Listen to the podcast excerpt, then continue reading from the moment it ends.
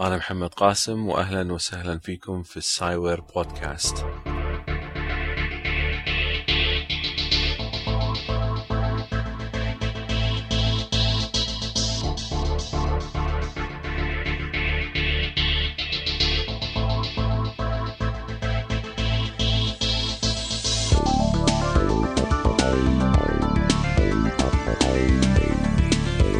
البودكاست هذا راح يتناول العلم والتكنولوجيا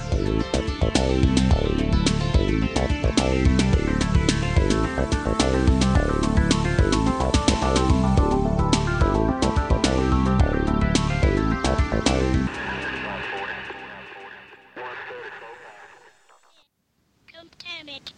Contaminate. Red.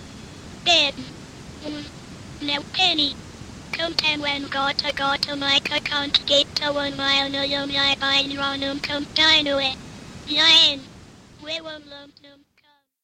okay أهلا وسهلا فيكم في حلقة سايوير آه، بودكاست الجديدة. والمقطع اللي سمعتوه آه، آه، قبل شوية كان عبارة عن تسجيل صوتي لبرنامج يستخدم آه، الاصطناعية لقراءة آه، كتابة. وطبعا وإن كانت لا تبدو القراءة الحين بشكل صحيح لكن آه، هذه القراءة راح آه، أوريكم إياها بعدين أسمعكم إياها بعدين بحيث تبين آه، كيف تطور تطورت هذه القراءة لتصبح أفضل بكثير. وهذا يتعلق بموضوع اليوم وهو العقل الإلكتروني. ولكن قبل أن أبدأ بالموضوع هذا أبي أتكلم في موضوع حساس نوعا ما.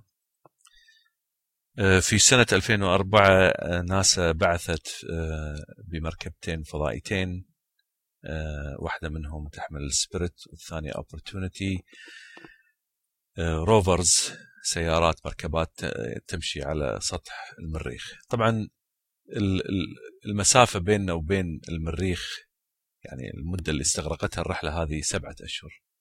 تخيل معي آه، مركبة فضا- فضائية تقذف من الأرض لتصل إلى ال- المريخ. ولتصل إلى م- منطقة محددة من المريخ. تخيل معي ال- المركبات الفضائية هذه اللي أرسلوها إلى المريخ لكي تصل إلى المريخ وتهبط في المكان اللي يحددونه آه، العلماء في ناسا. آه، لازم يت يعني يتابع تحرك المريخ نفسه. الرحلة تستغرق سبع أشهر وتلحق بجسم متحرك والجسم المتحرك هذا يدور حول نفسه. مع ذلك تجد آه، وكالة ناسا استطاعت أن تنزل هاتين المركبتين بنجاح كبير. أنت متخيل يعني حجم ال- القياسات التي لابد أن تؤخذ أو المعرفة ال- المفروض تكون موجودة عند آه، وكالة ناسا بحركة المريخ بحيث أنها توصل هاتين المركبتين على سطح ال- المريخ. يعني هذا الشيء جدا مهم لازم تفهم مدى ال- المستوى العلمي اللي يحتاجه آه، يحتاجه العلماء حتى يعملون هذه العملية. طيب أيضا في سنة 1969 يعني قبل سنوات عديدة أنزل العلماء علماء ناسا آه، رواد على سطح القمر. يعني أيضا هذه تحتاج إلى دراسات دقيقة في أيامها. تخيل آه، في 69 كلام قديم جدا. نزلوا ناس على سطح القمر. يعني هذه الأشياء تحتاج إلى معرفة في الفلك بشكل دقيق. الحسابات الفلكية تكون بشكل دقيق. يعني تخيل معي وكالة ناسا والعلم اللي موجود حاليا يعرف بالضبط تماما مكان القمر. مع ذلك وأنا أتكلم مرة ثانية أقول هاي يمكن نقطة حساسة بالنسبة لنا في العالم الإسلامي. ما زلنا نصر على استخدام العين المجردة لمعرفة مكان القمر.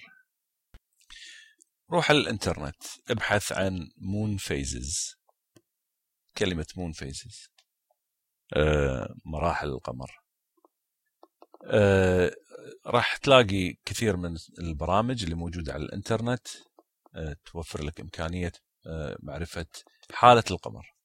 وبأي نسبة من آه، الرؤية اللي تست... يعني نسبة الهلال اللي راح تكون متوفرة لهذا اليوم. طيب. وفي نفس الوقت يعني لو تروح على الإنترنت في برامج تعطيك حالة القمر حسب الحسابات الفلكية الدقيقة جدا جدا إلى سنة 4999 يعني إحنا اليوم سنة 2009 عندك بعد قدام 3000 سنة. يعني مع دقة هذه الأرقام الفلكية اللي موجودة مع معرفتنا أن ناسا تستطيع أن تنزل آه، تستطيع أن تنزل مركبة فضائية على كوكب يبعد عنا سبعة أشهر سبعة أشهر. ومعرفتنا بأن القمر يعني القمر شوف الفرق يعني القمر يبعد عنا يعني. لما صعدنا إلى صعد العلماء إلى سطح القمر استغرقوا أربعة أيام بينما الرحلة تخيل أنت معك مسدس وتطلق هذا المسدس على آه، جسم متحرك يبعد منك سبعة أشهر هل تستطيع أن تصيب الهدف؟ طبعا مو بهذه السهولة تحتاج إلى آه، حسابات دقيقة. وهذا اللي بالفعل متوفر حاليا مع ناسا. طب هذه الحسابات الفلكية أيضا موجودة على الإنترنت. يعني ت- أي واحد يستطيع أنه يعمل له برنامج ويحسب حالة القمر وين يكون. ويستطيع أن يتنبأ بالضبط إذا ما كان بإمكان آه، الناس تشوف القمر أو ما تشوفه. ولما يخرج عندنا العلماء علماء الفلك ويخبرونا أن لا يمكن بأي حال من الأحوال رؤية القمر رؤية الهلال في يوم معين فإنه بالتأكيد لا يمكن رؤيته. يعني المت... حتى المتغيرات، المتغيرات في عملية المشاهدة كثيرة. وعندنا مثلا الضوء المنعكس من الشمس اللي ممكن. يعمل تلوث آه، ضوئي يؤثر على الرؤية. ممكن آه، أيضا حالة الغيوم، ممكن آه، أيضا ضعف نظر ال- ال- الشخص اللي يشاهد، يعني أنا أستغرب ليش ما ليش ما يكون عندنا آه، ناس تفحص البصر تفحص بصر الشخص اللي طالع يمكن بصره ضعيف. آه، ليش مثلا الشخص اللي طيب إحنا ما نستخدم المناظير يمكن هذه السنة أول مرة بعض الدول استخدمت المناظير طيب ليش آه، يسمح للأشخاص اللي يلبسون النظارة أن يشاهدون القمر. يعني في عدة متغيرات تؤثر على الرؤية و ولا تؤثر بأي شكل من الأشكال بالقوانين الرياضية اللي موجودة الفلكية اللي موجودة. العلم يعني واضح واضح وغير مشكوك فيه من هالناحية هذه. أوكي معلومة ثانية قد لا تعرفها. أه القمر يبتعد عن الأرض كل سنة بمقدار ثلاثة وثمانية من عشرة سنتيمتر. يعني في خلال 1400 سنة ابتعد عنا القمر تقريبا 53 متر. يعني معنى ذلك أن المسلمين في خلال قبل 1400 سنة كان القمر أقرب لهم ب 50 متر. خلال 1400 سنة إلى الأمام راح يبتعد عن القمر 50 متر ثاني هاي 100 متر. طيب معنى ذلك أن القمر يبتعد؟ طيب معنى ذلك أيضا إن الرؤية قد لا تكون بنفس الدقة. طيب هذا كله هل العلماء علماء الدين يأخذونه بعين الاعتبار ولا لا؟ طيب بالنسبة للصلاة مواقيت الصلاة كان يعتمد سابقا على مثلا في وقت صلاة الظهر على العصاية. العصاية تستخدم ويقاس فيها الظل أقصر. ظل ممكن يصير بعدها يتحقق صلاة تتحقق صلاة الظهر. طيب اليوم أحد يطلع برا البيت ويحط عصاية يغرسها في الأرض ويأخذ القراءات؟ لا طبعا. الآن نستخدم الساعة والقراءات والفلكية وغيرها.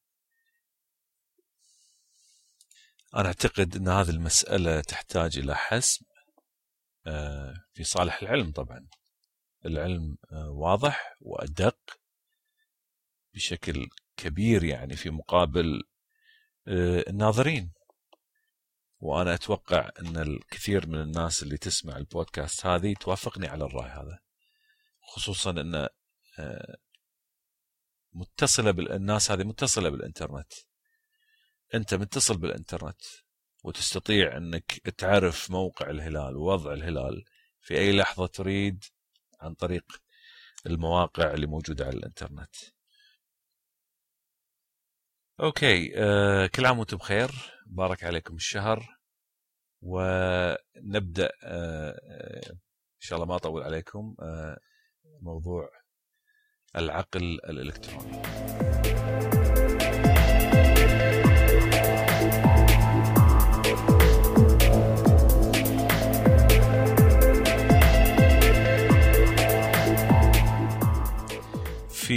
تاريخ 22 7 2009 هذه السنة وكالات الأنباء نشرت خبر عن إمكانية تطوير أو يعني برمجة مخ الإنسان آه، خلال العشر سنوات القادمة. هنري ماركم مسؤول أو مدير آه، مشروع المخ الأزرق هذا الاسم اللي The Blue, آه، Blue Brain. هنري ماركم يقول أنه بالإمكان أن المخ بالكامل الشبكة اللي موجودة داخل رأس الإنسان في مخه بالإمكان تطويرها وبرمجتها على الكمبيوتر. طبعا حاليا اللي عملوه هو مخ الفار.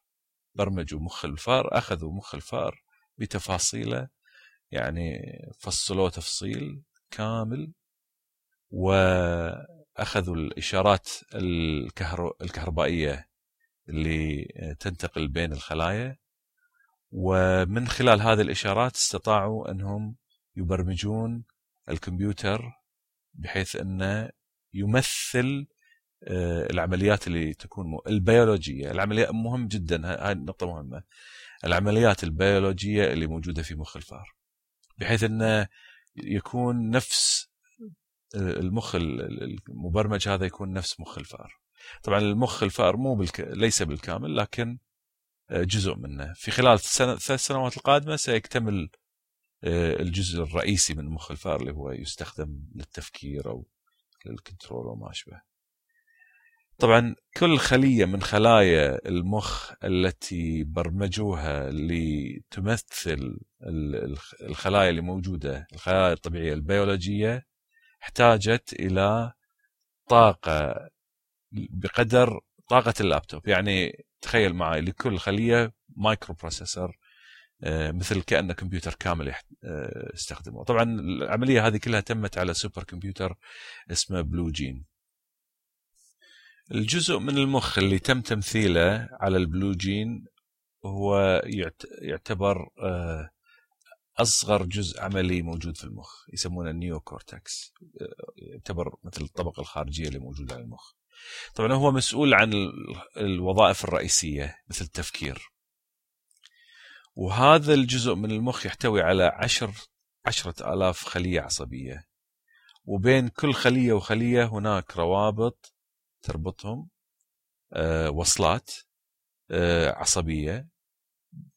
عددها كلها 100 مليون وصلة عصبية. طبعا قارن هذا في مخ الإنسان. مخ الإنسان يحتوي على 100 مليار خلية عصبية والوصلات اللي بين الخلايا العصبية هي 100 ألف مليار وصلة عصبية يعني أرقام هائلة.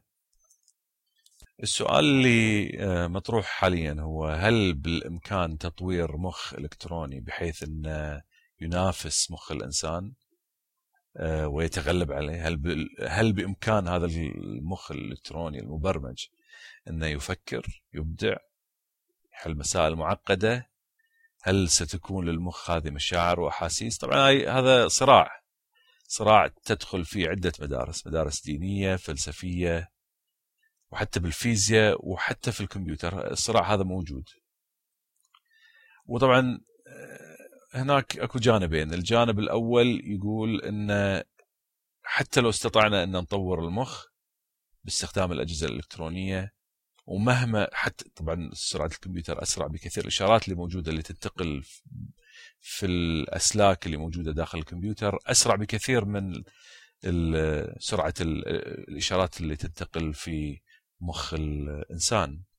لكن مع ذلك مع هذه السرعة الهائلة اللي موجودة في الكهرباء آه، اللي موجودة في الأسلاك مع ذلك. الإنسان قادر على انه يتغلب على آه، يعني في بعض في كثير من الأمور العملية يستطيع أن يتغلب على الكمبيوتر. طبعا الطرف هذا يقول أنه مهما حاول حاولنا أن آه، نصنع باستخدام الخوارزميات يعني برمجة أو ما أشبه أن نصنع كمبيوتر يفكر يبدع مثلا ويكون واعي ويكون له شعور. هذا مستحيل. آه، وإحنا طبعا أيضا عندنا قضية الروح والوعي هذه يعني لها خصوصياتها. حتى في علم الفيزياء يعني في عالم كبير اسمه راجر بنروز. وراجر بنروز واحد من الأشخاص المسؤولين عن يعني فكرة آه، نظرية ال Big Bang للكون. هو طبعا آه، ربط آه، بين إمكانية تطوير المخ طبعا بالأساس هو فك يعني ليست فقط هي قضية مخ هي قضية عقل يعني أن يكون يكون هذا هذا الشيء المبرمج أنه يكون له عقل خاص فيه يعني وعي. حاول طبعا هو ربط هذا الموضوع بقضايا الميكانيكية الكمية والكون وما أشبه في كتابة The Emperor's New Mind. آه، أنا وضعت لينك على الموقع تستطيع أن تشوف الكتاب هذا في الأمازون. آه، راجر بنروز طبعا يرفض أنه يكون المخ محدد فقط في قضية الوصلات والخلايا اللي موجودة فيه. فهو يربط هذا في الكون والميكانيكية الكمية وهذا موضوع طبعا بالفيزياء يمكن نتطرق له في يوم من الأيام. أوكي. آه، في الطرف الآخر في المقابل لهذا لا آه، هناك آه، المستقبليين الناس اللي تتنبأ بالمستقبل وتعتمد على الاحصائيات إحصائيات عملتها للتطور اللي إحنا عايشينه. إن في القريب سيكون هناك مخ اصطناعي وهذا المخ سيكون بإمكانه التفكير والإبداع ويكون واعي يعني يحس بذاته يعني. بالنسبة للمستقبليين هذه النقطة ستكون نقطة تحول وانفجار في العلم. يعني راح يصير تغيير كبير. والنقطة الأساسية أيضا الثانية إن إذا تحقق هذا الشيء راح يكون هناك نقلة نوعية. هذا الكمبيوتر راح ينقل الإنسان نقلة نوعية في العلم. يتطو يعني يعطي يقدم للإنسان علوم وتفاصيل في العلوم اللي إحنا فيها أكثر من آه، لو كنا إحنا نفكر فيها شخصيا. وراح يقوم أيضا بتطوير نفسه. وطبعا إذا الإنسان لم يتدارك هذا الشيء ممكن أن في هذه الحال يتنافس مع هذا المخ. إذا بعد العملية تطورت أصبح عندنا روبوتس تتحرك ولها هذه الإمكانية والذكاء فممكن الإنسان ينقرض. عالم من العلماء اسمه ألان تورينج آه، طرح السؤال بطريقة أخرى حتى يتفادى القضية الفلسفية مالت العقل وإمكانية أن الكمبيوتر يعي ويفهم وغيره. سأل سؤال هل آه، بإمكان الكمبيوتر أن يقوم بما نقوم به نحن؟ يعني هل بإمكان الكمبيوتر أن يمثل دور كأنما يبين لنا أنه يفكر؟ يعني وضع لهذا الشيء اختبار. تخيل معاي ثلاث أشخاص آه، لكل شخص غرفة. واحد منهم يختبر شخصين. يتخاطب معاهم مثلا عن طريق عن طريق الكمبيوتر. بعد فترة من المخاطبة واحد من الأشخاص يطلع من الغرفة ويستبدل بكمبيوتر ويكمل المختبر هذا الاختبار. السؤال هو هل يستطيع المختبر أن يميز واحد من الاثنين يعني هل يقدر إنه مثلا آه، يميز الكمبيوتر من الإنسان؟ إذا ما استطاع إنه يميز مباشرة يصبح الكمبيوتر آه، نجح في الاختبار. طبعا حاليا الاختبار هذا لم ينجح فيه ولا كمبيوتر واحد. يعني في نجاحات مختلفة لكن نجاحات كاملة ما في. هذا من ناحية الاختبار. طبعا التطورات اللي صارت إن واحدة من التطورات عندنا الذكاء الاصطناعي. الذكاء الاصطناعي للحين ما قدر على قضية. إنه يكون كمبيوتر واعي وذكي.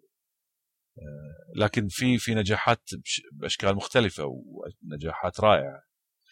آه، في في قضية الشبكة العصبية آه، العلماء طوروا بشكل بدائي طبعا قضية الشبكة. وأنا شخصيا برمجت الشبكة العصبية هذه باستخدام الكمبيوتر. ويعني واحدة من الأشياء اللي طوروها هي قضية قراءة هذه الشبكة ل كتابة. تخيل معاي إن علموا الشبكة هذه شبكة صغيرة صغيرة يعني بسيطة وأنت تستطيع تبرمجها. إذا أنت مبرمج بالكمبيوتر تستطيع إن تروح على الإنترنت وتبحث عن شيء اسمه artificial neural networks. وأنت شخصيا ممكن إنك تبرمج هذه ال network آه، استطاعوا إن يعلمون هذه ال network القراءة. ففي البداية طبعا أول خمس دقائق مع التدريب آه، تدربت ال network على القراءة فبدأت كأنما طفل صغير آه، يقرأ. آه، نسمع المقطع هذا وبعدين أكمل وياكم. Come like we we come in line my tall water my round my time clown a while I die clown a die guy like a combine. Un. We. Bub. Bring it. Come damn it. Come damn it. We. Bib. No penny. Come tam when got a got a mic I can't get to one mile no yum lie by run um come dino it. Lion. We won't lump num come. Waplum white wapum kun come come quick unun um from kata gre pumun one away nick me tom ke want to nun. Kewek tewek kun plus. Un. Fun. Say something they were طبعا هذا كان المقطع اللي هو آه، تعلم فيه الكمبيوتر القراءة في خلال خمس دقائق فقط آه، المقطع اللي يليه آه، عبارة عن مدة أكثر ومع الوقت لاحظ أن الكمبيوتر أنه يستطيع القراءة بشكل أفضل وأدق You mean I'm like him or something? When we walk home from school, I walk home with two friends and sometimes we can't run home from school now. Because someone got away every time she wants to run. She gets the weavers and stuff. And then she can't breathe very well and she gets sick. That's why we can't run. I like to go to my grandma. okay تلاحظ معي إن هذه ال network استطاعت القراءة طبعا هاي كلها في خلال تدريب اللي دربوا في ال network خلال 16 ساعة فقط واستطاعت أن تبدأ وكأنما من الصفر يعني كأنما طفل صغير ينطق آه، بكلمات بطريقة بس مجرد ال vowels اللي هي الصوت في الحروف وانتقلت إلى طفل عمره أربع سنوات في خلال 16 ساعة. لكن آه، نقطة مهمة أو نقطة أساسية أيضا أود أن أذكرها أن هذه ال network آه، عملوها في سنة 1900 و في عفوا في الثمانينات. ولكن في نفس الوقت نقطة مهمة أيضا أن هذه الشبكة قادرة على أنها تقرأ ال network. هذه قادرة على أن تقرأ لكن من غير أن تفهم المعاني. هذا من ناحية القراءة. من ناحية المخاطبة في أيضا قبل فترة طويلة آه، عملوا برنامج اسمه إلايزا إلايزا أيضا معالج للغة الطبيعية يعني يستطيع أن آه، تخاطبه عن طريق ال keyboard تكتب ويستجيب لخطابك. ولكن طبعا آه، المبرمجين استخدموا يعني تريكس أو بعض الخدع وهذا الخداع تعتمد على انه يكون الخطاب يعني آه، يقوم على على استعمال آه، المخ... الإنسان الخطاب الإنساني نفسه. يعني مثلا أنا إذا تكلمت مع الايزا آه، ممكن أقول أن أنا اليوم غير سعيد فإلايزا تجاوب وتقول لي مثلا لماذا أنت غير سعيد؟ فتأخذ خطابي أنا وتحوله إلى صيغة سؤال أو العكس. وتطور تطورت برامج اللي تعالج الخطاب. الحين في واحد اسمه ال bot وال bot أيضا طبعا آه، متقدم بشكل كبير على إلايزا وتستطيع أن تخاطبه والخطاب يعني في نوع من الذكاء. تحس لما ت- ت- تبدأ تكتب آه، خطابك وت- وتناقش آه، البوت راح تحس بهذا الشيء. لكن مع ذلك المعالج هذا لا يفهم اللي أنت تكتبه له. هو مجرد معالج الكتابة أو الكلمات اللي, اللي أنت تستخدمها. طبعا أيضا هناك آه، الكثير من البرمجيات اللي تستطيع أن تقوم ببعض الوظائف اللي يقوم فيها الإنسان مثل تمييز آه، الأجسام. يعني مثل الإنسان كمان يعني مثل أنا لما أطالع شيء معين أستطيع أني أميز شنو هو. وأيضا مثلا أتابعها في الحركة. يعني إذا تحرك شيء أمام عيني أنا أستطيع أتابعه. فالكمبيوتر أيضا اليوم يستطيع أن يعمل هذا الشيء بناء على قوانين رياضية. آه، ومنها أيضا التوازن. يعني مثلا آه، الروبوت يستطيع انه اليوم يمشي ويوازن نفسه. أنا شخصيا برمجت هذا الشيء باستخدام الشبكة العصبية في ال 96 كمشروع تخرج آه، في البكالوريوس. يعني مثل مثلا لو أنك أنت تمسك بعصات على إيدك وتحاول تسوي لها توازن بحيث أن العصات هذه ما ما تطيح ما تقع من يديك. آه، الإنسان يستطيع انه يسويها بكل سهولة لكن في مقابل هذا على الكمبيوتر هذا شيء صعب جدا ويحتاج إلى حسابات معقدة. لكن أنا آه، استخدمت الخلايا العصبية هاي الشبكة العصبية برمجتها على الكمبيوتر وهي عملية سهلة مثل ما ذكرت. واستطعت إني أوازن ال- البندول المقلوب يسمونه طبعا. هاي العملية عمل موازنه لل- للعصاية عبارة عن بندول مقلوب. فاستطعت إني أسوي هذا الشيء. طبعا أيضا مرة أخرى القضية هذه لا تعني إن المخ هذا أو أو الخلايا هاي تفهم شو اللي قاعد يصير. هني الفرق. هني يأتي الفرق آه، عن المخ الأزرق. المخ الأزرق هو تمثيل للخلايا ال- ال- البيولوجية بشكل دقيق. يعني حتى يعني أنا حطيت link تستطيع الوصول له آه، وال link هذا في فيديو على ال Wall Street Journal الجريدة المشهورة Wall Street.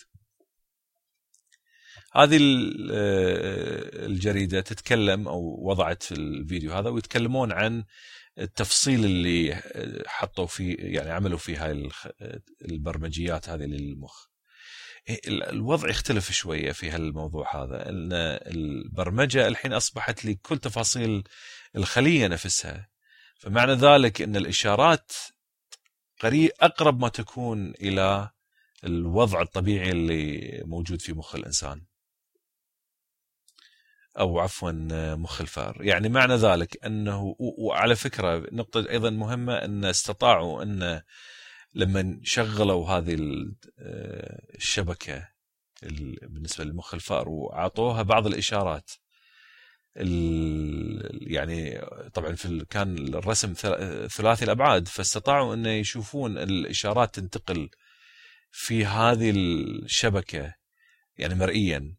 وأماكن تضيء وأماكن آه، تضيء بألوان مختلفة فأعطاهم الانطباع أن هناك طبعا طبعا وأيضا خذوا قياسات فصار عندهم انطباع أن المخ هذا اللي صنعوه هذا الجزء البسيط من المخ لما تعطيه إشارات معينة يتصرف بطريقة لم يكن آه، الع- العلماء متوقعينها.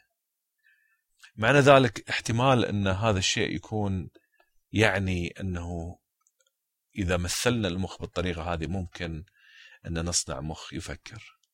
طبعا آه، المستقبليين آه، يتوقعون أن يكون عندنا كمبيوتر واعي في سنة 2045 قد يخطئ التاريخ لكن أنا شخصيا أعتقد أنه ممكن يصير هذا الشيء آه، مو شرط 2045 لكن العلماء راح يحاولون ما راح يوقفون. يعني ما عملية إن هل العقل هو شيء آه، منفصل أو إنه هل هي الروح أو هاي الأشياء العالم ما يتوقف عند هاي الأشياء. يحاول هو إنه يصنع وان نجح نجح ان فشل فشل. أنا أتوقع إنه يعني أنا لا أنظر للإنسان على أساس إنه هو يعني بس فقط جانب بيولوجي لكن أتوقع إنه يوم من الأيام راح يصير عندنا مخ وممكن آه، يعني يضاهي مخ الإنسان يعني يتغلب عليه.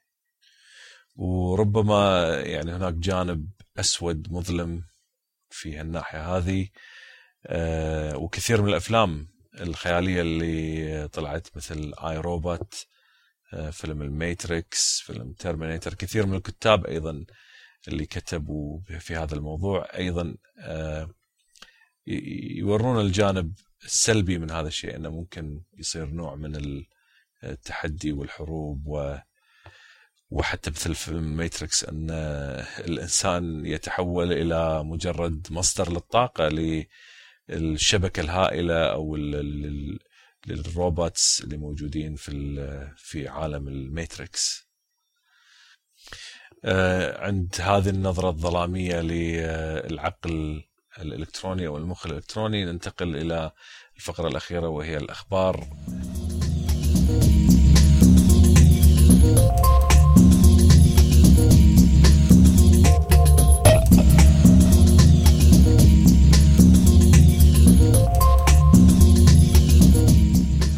آه، اكتشف العلماء نبتة آكلة لحوم جديدة وهي موجودة في الفلبين. العادة النباتات من النوع هذا تستطيع التهام الحشرات. لكن آه، هذه النبتة بالذات تستطيع التهام حيوان بحجم الفأر.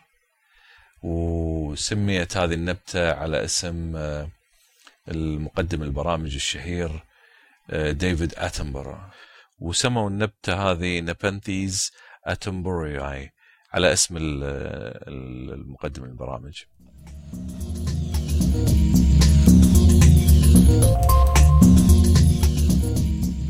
وفي الخبر الأخير آه، العلماء أيضا اكتشفوا حبر لحبار وهذا الحبر يعود عمره إلى 150 مليون سنة. واستخلصوا هذا الحبر واستخدموه لرسم حبار وكتابة على ورقة. تستطيع متابعة آه، الموضوع الرئيسي اللي تكلمت فيه والخبرين اللي ذكرتهم على البلوج.